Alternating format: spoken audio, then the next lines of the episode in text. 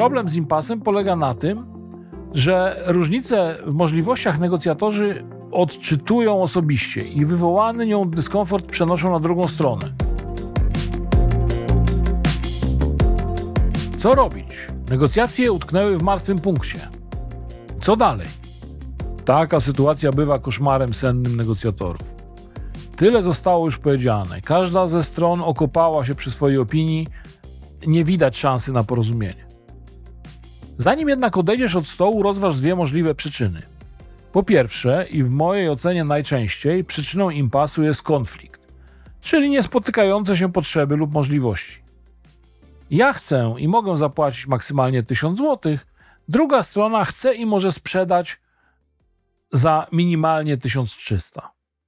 O ile nie zostaną wskazane inne sposoby sfinansowania różnicy, żadna ze stron nie może ustąpić. Problem z impasem polega na tym, że różnice w możliwościach negocjatorzy odczytują osobiście i wywołany nią dyskomfort przenoszą na drugą stronę. Formułują oceny typu nie chce mi sprzedać, bo mnie nie lubi, albo ma już innego odbiorcę. A stąd już blisko do wyartykułowania frustracji i wzbogacenia prostej dotychczas różnicy w możliwościach finansowych, dodatkowo o niechęć osobistą.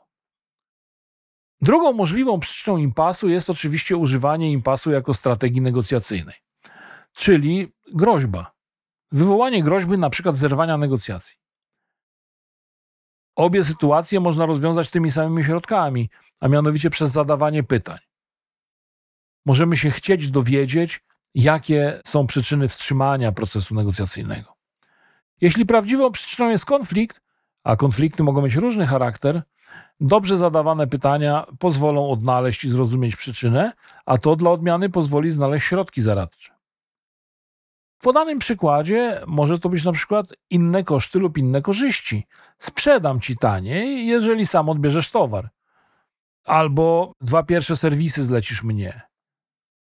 Trudniej jest, jeśli przyczyną impasu jest konflikt relacji. Na przykład ktoś poczuł się urażony nieostrożną wypowiedzią. Tutaj wykonanie kroku wstecz i przyznanie się do niezręczności może pomóc wznowić negocjacje. To może dziwne, ale te same pytania doskonale pomagają, jeśli impas miałby być rodzajem strategii, nacisku. Rzadko zdarza się, by taka strategia była odporna na czwarte i kolejne pytania. Zaczynają pojawiać się niespójne i sprzeczne odpowiedzi, co ujawnia rzeczywiste intencje. To ważny moment, ponieważ w nim ujawnia się negocjacyjny kunszt.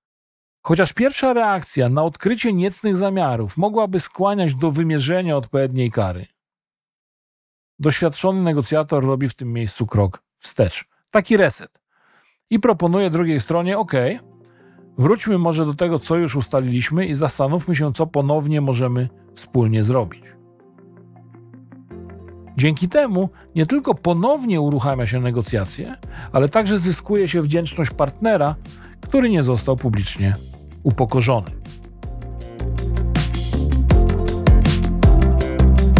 Oczywiście odpowiem na Twoje pytania, jeśli wpiszesz się w komentarzu. Chciałbym Cię zaprosić do zajrzenia tutaj od czasu do czasu. Będą tu się pojawiały na pewno nowe treści. Jeśli chcesz, to po prostu dopisz się do subskrypcji.